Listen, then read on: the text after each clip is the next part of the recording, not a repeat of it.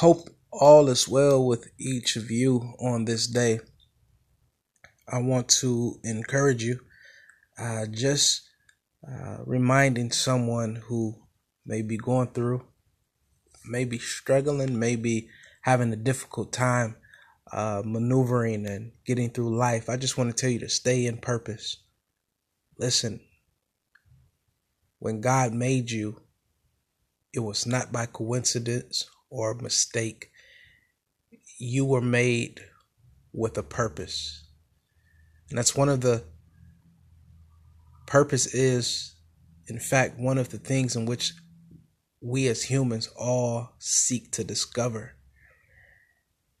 And sometimes you feel as if, okay, I'm walking in purpose. And then other times you feel, oh, is this really what God has poured into me?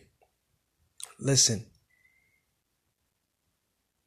even when you have discovered your purpose, there will be days, there will be times where you feel that you are not where you should be. But I'm also reminded of the scripture which says, All things work together for good to them that love God, to them who are the called according to his purpose.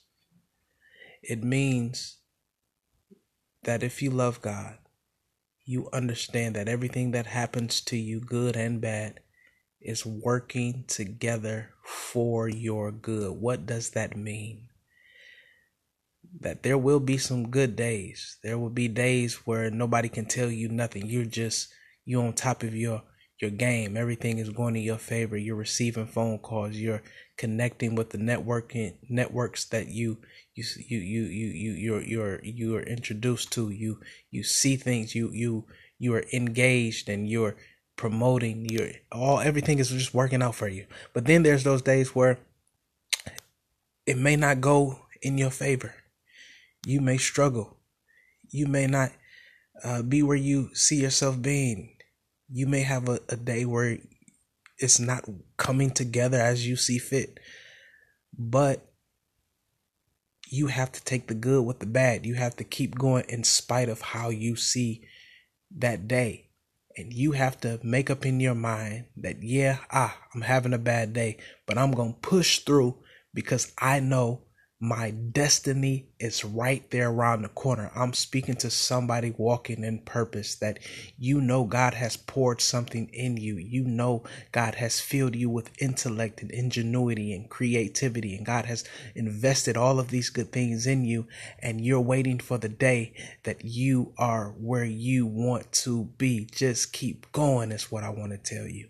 Yes, you struggle at times. Yes, you may not be where you want to be. Some days you say, okay, I take two steps forward and I, and I see the success. I see uh, the things in which I envision. But then there's other days where you don't. I'm telling you to keep on pressing forward until you reach. And even when you reach the destination, reach further. Keep going. Stay in purpose. Don't give up the fight. Keep on going. Peace.